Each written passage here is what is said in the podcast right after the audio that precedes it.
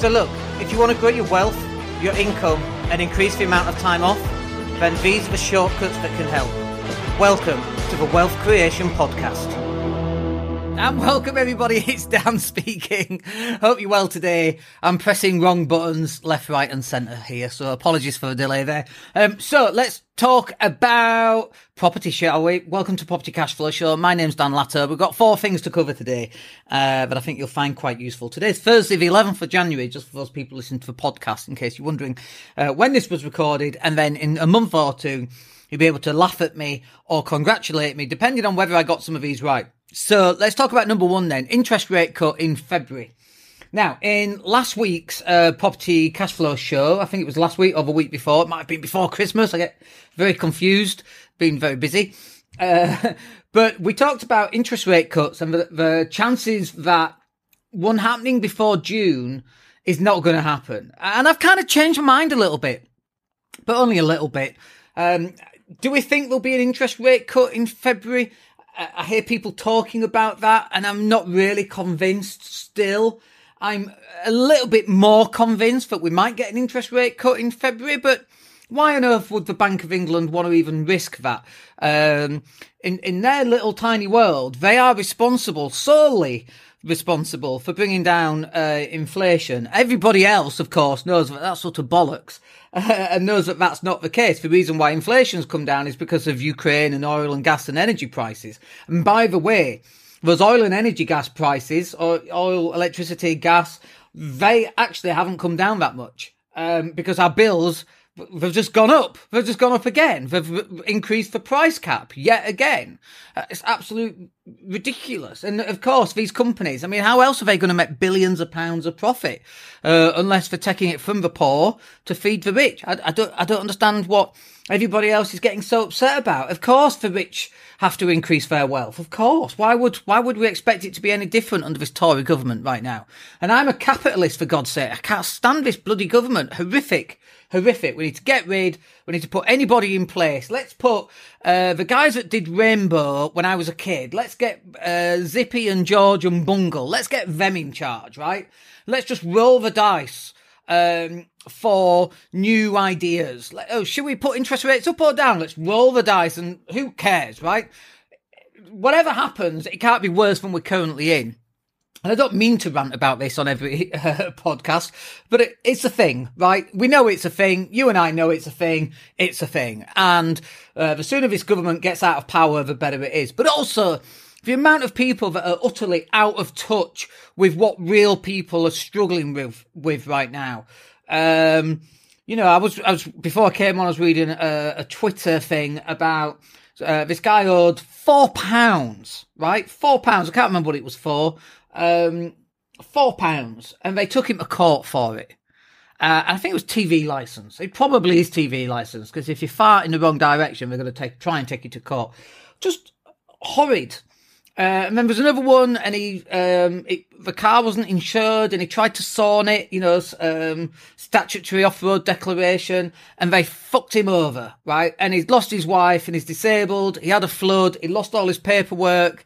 Uh, the car's been there. He's got CCTV on his car, but they screwed him. They took him to court, and now he's got like two hundred pounds worth of fine. Like, I just don't get it, right? And I know we're supposed to talk about interest rate cuts, but this is about how people are just really struggling, putting one bar on the fire instead of three. I mean, good grief. That, when I was six or seven or 12 or whatever age it was, that's what my gran would do because you couldn't afford to put an extra bar on the fire. You know, when I went to bed, we would have ice on the inside of the windows back in those days. E, by gum, I'm old. But we seem to have gone back to this Dickensian way of living where people are cutting back on things just to pay TV license for God's sake, which needs to be abolished as well. Unfortunately, the only people talk about abolishing the TV license are very, of a very, very far right. And if you talk about that, uh, you get kind of, um, mucked in with the far right or the extreme left or whoever it is that's on about that. Anyway, interest rate cuts in February. Let's get back to that.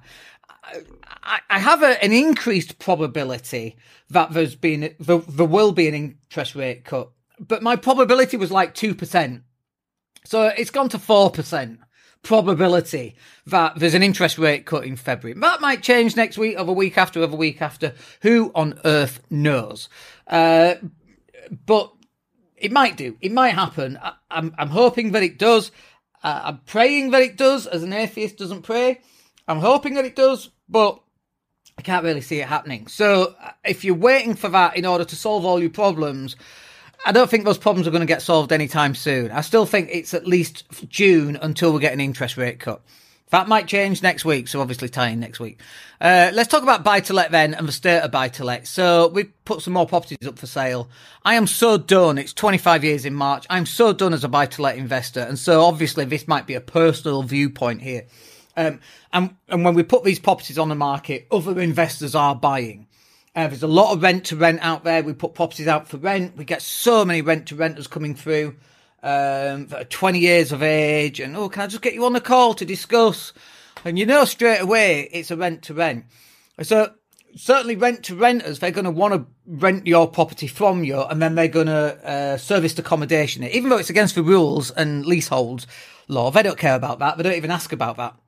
They probably don't even know. They've probably not even had that covered on their training course. Um, so the nature of buy to let, I think, is shifting, and I think it's is changing. Um, I think title splitting is going to be much bigger in 2024, where you get a big property and then you split it up, and that could also be commercial to resi. I think that's going to be a thing. I think an increase on making bigger properties, smaller properties, and going to get planning and, and breaking them up, and then I think those properties will be bought, bought to let for sure. But these are much smaller properties, as small as legally allowed uh, from a mortgage point of view. Uh, and so, yes, I think that's that's going to continue to happen. Our landlord's going to continue to leave the market in droves, hundred percent. The, the, just the pure taxation of landlords from a Section 24 point of view, we've had massive interest rate rises with 14 interest rate rises in a row. Uh, landlords' mortgages are more expensive, and of course, you can't offset that against your profit. So, yes, your rent has gone up, which just means your tax burden has gone up because even though your interest has gone up, you can't really offset that against your tax. So, your tax burden as a landlord is increasing significantly. I just got my tax bill through. Good God, I nearly fell off the unicorn I was riding. It's ridiculous. It's beyond ridiculous. And this is one of the reasons why we're just like, you know what? Fuck this. We're, we're so done with tenants having all these rights and moaning. God, tenants, what's wrong with them? Since the pandemic, moan at every little thing. Light bulb's gone. Change it then. It's your property. You're renting it. Change the bloody light bulb. It's not rocket science. You know, do you want us to come around and wipe your nose and um, uh, tie your shoelaces for God's sake? It's just ridiculous. So you know, I think landlords have just had enough. And obviously, I'm a landlord, right? And I've been for 25 years, and I probably represent how some landlords feel. There's no doubt that I represent how some landlords feel. Certainly not how all landlords feel. I think I've just run out of patience for it. I think that's, and that's me, that's a me thing, right? And that's all right. It's all right for me to run out of patience dealing with uh, people who are incapable of doing the most basic things, like there's a leak, let me know. No, no, no, no, we're not going to let you know. We're just going to have this little drip, drip, drip leak that on inspections we don't get to notice because no one ever tells us and we never see it. So then in two years' time, we have, we have a problem. We have to pay for downstairs to be painted. Why don't you just tell me? Oh, I didn't want to bother you. That's not up to you, is it? It's up to me. You, we tell you to tell us on maintenance, but do they do it? No. So I think for some people, buy to let's over. Certainly, people like me, we've been in this business for far too long, and um, it's it's been around long enough to get us to where we wanted to get to, which is here. But where we are right now, it's not going to get us to where we want to be. And so for us, buy to let's definitely over. Uh, for other people wanting to get into the marketplace, you know, I'm 51, I'm desperate to get out of buy to let. Other people, age 51, are desperate to get into buy to let. Is it a balancing act? It is, and it's like this people getting out is more, less people coming in. Rents are going to go up anyway. Obviously, the people who always lose during this are the poor tenants. And, you know, they don't get any help. The only help that they get is from shelter telling them to sue landlords or to be arses to landlords or to go to their um, council and the council tells them not to move out until the bailiffs turn up. It's not helping, folks. It's really not helping. And you're going to learn, sadly. You are going to learn when rents go up even further. Um, let's talk about lenders' rates. they definitely seem to have dropped and are continually dropping, but that's different than an interest rate cut. So when a lender drops from 4.5 to 4.4, I'm not really dancing a merry jig. Who gives a shit? 0.1 of a percent on a million pounds. Uh, what is that? I, I, can't even do the maths. Should we try and do the maths? Um, minus 0.01% is a hundred pounds. Gosh, a year. Wow. Let's divide that by 12, shall we? Uh, was that 88 quid? Oh, it's not 88 quid. It's £8.80. God, that's going to make a massive difference uh, to a massive tax burden that we've got and the fuel price rises. Wow. So it's utter bollocks, basically. That's what I'm trying to say in a very sarcastic manner. So what? Lenders are dropping uh, their rates by 0.1, 0.2%. Whoopee bloody do. 15 quid a month. That's really going to change lives on a million, million pound of debt. Who's got a million pound of debt other than portfolio landlords, right? So that's not the uh, um, rates that we want to be dropped. We need an interest rate cut and it's not going to happen. And so landlords are going to go bust and landlords are going to sell up and leave and then rents are going to go up and tenants are going to moan. And then who's going to get the blame? Landlords are going to get the blame yet again. And people are like, well, if you don't like it, leave. Don't worry, dude. We are doing and then your rent's going to go up, and then you're going to moan about the fact that your rent's gone up, and then you're going to go, well, uh, landlords, they need taxing more. Like, literally, a guy from the Rowntree Foundation, which is all to do with poverty, uh, having a conversation. I'm like, I'm sure you think landlords should be taxed more. And he's like, yeah. I'm like, that's why rents have gone up so much, you fucking idiot. Why can't you understand that? But they don't. They, they vehemently hate landlords so much. And I'm not going to name the person, but they vehemently hate men because most landlords are men, right? And so you might well be a feminist and you might well hate men and you might well be running a particular organization uh, that's called a charity, but it's actually a political organization. And you're using that to attack men. That's fine. It's not a problem. I'm out, dude. it's not a problem at all. Uh, let's talk about rent growth. Proper Dan rant today, isn't it? I don't know why. I'm feeling pretty good today. But anyway, talking about properties winding me up at the moment. Uh, rent growth, has it slowed? Yes, for sure.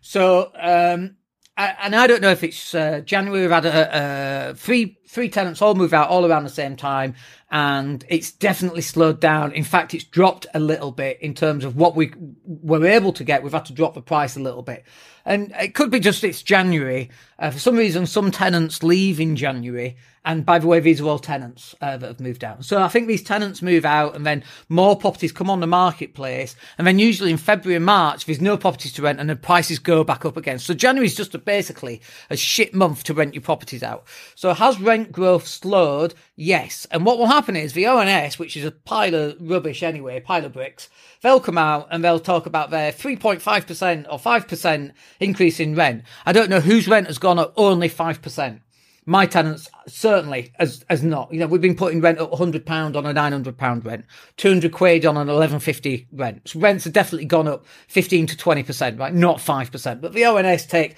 existing rental prices as well as uh, new properties going on the market, which is just bullshit. Like I bought a Mars bar five years ago, and then I bought a Mars bar today. So the average price of a Mars bar is the is the price in the middle. How does that work? Somebody please explain it to me proper Dan rant today. But someone explain that to me. If I bought a Mars bar 10 years ago, 50 pence, and a Mars bar today is £1.50, the average price of a Mars bar is a pound. No, that's bullshit. You're lying, ONS, Office of National Statistics.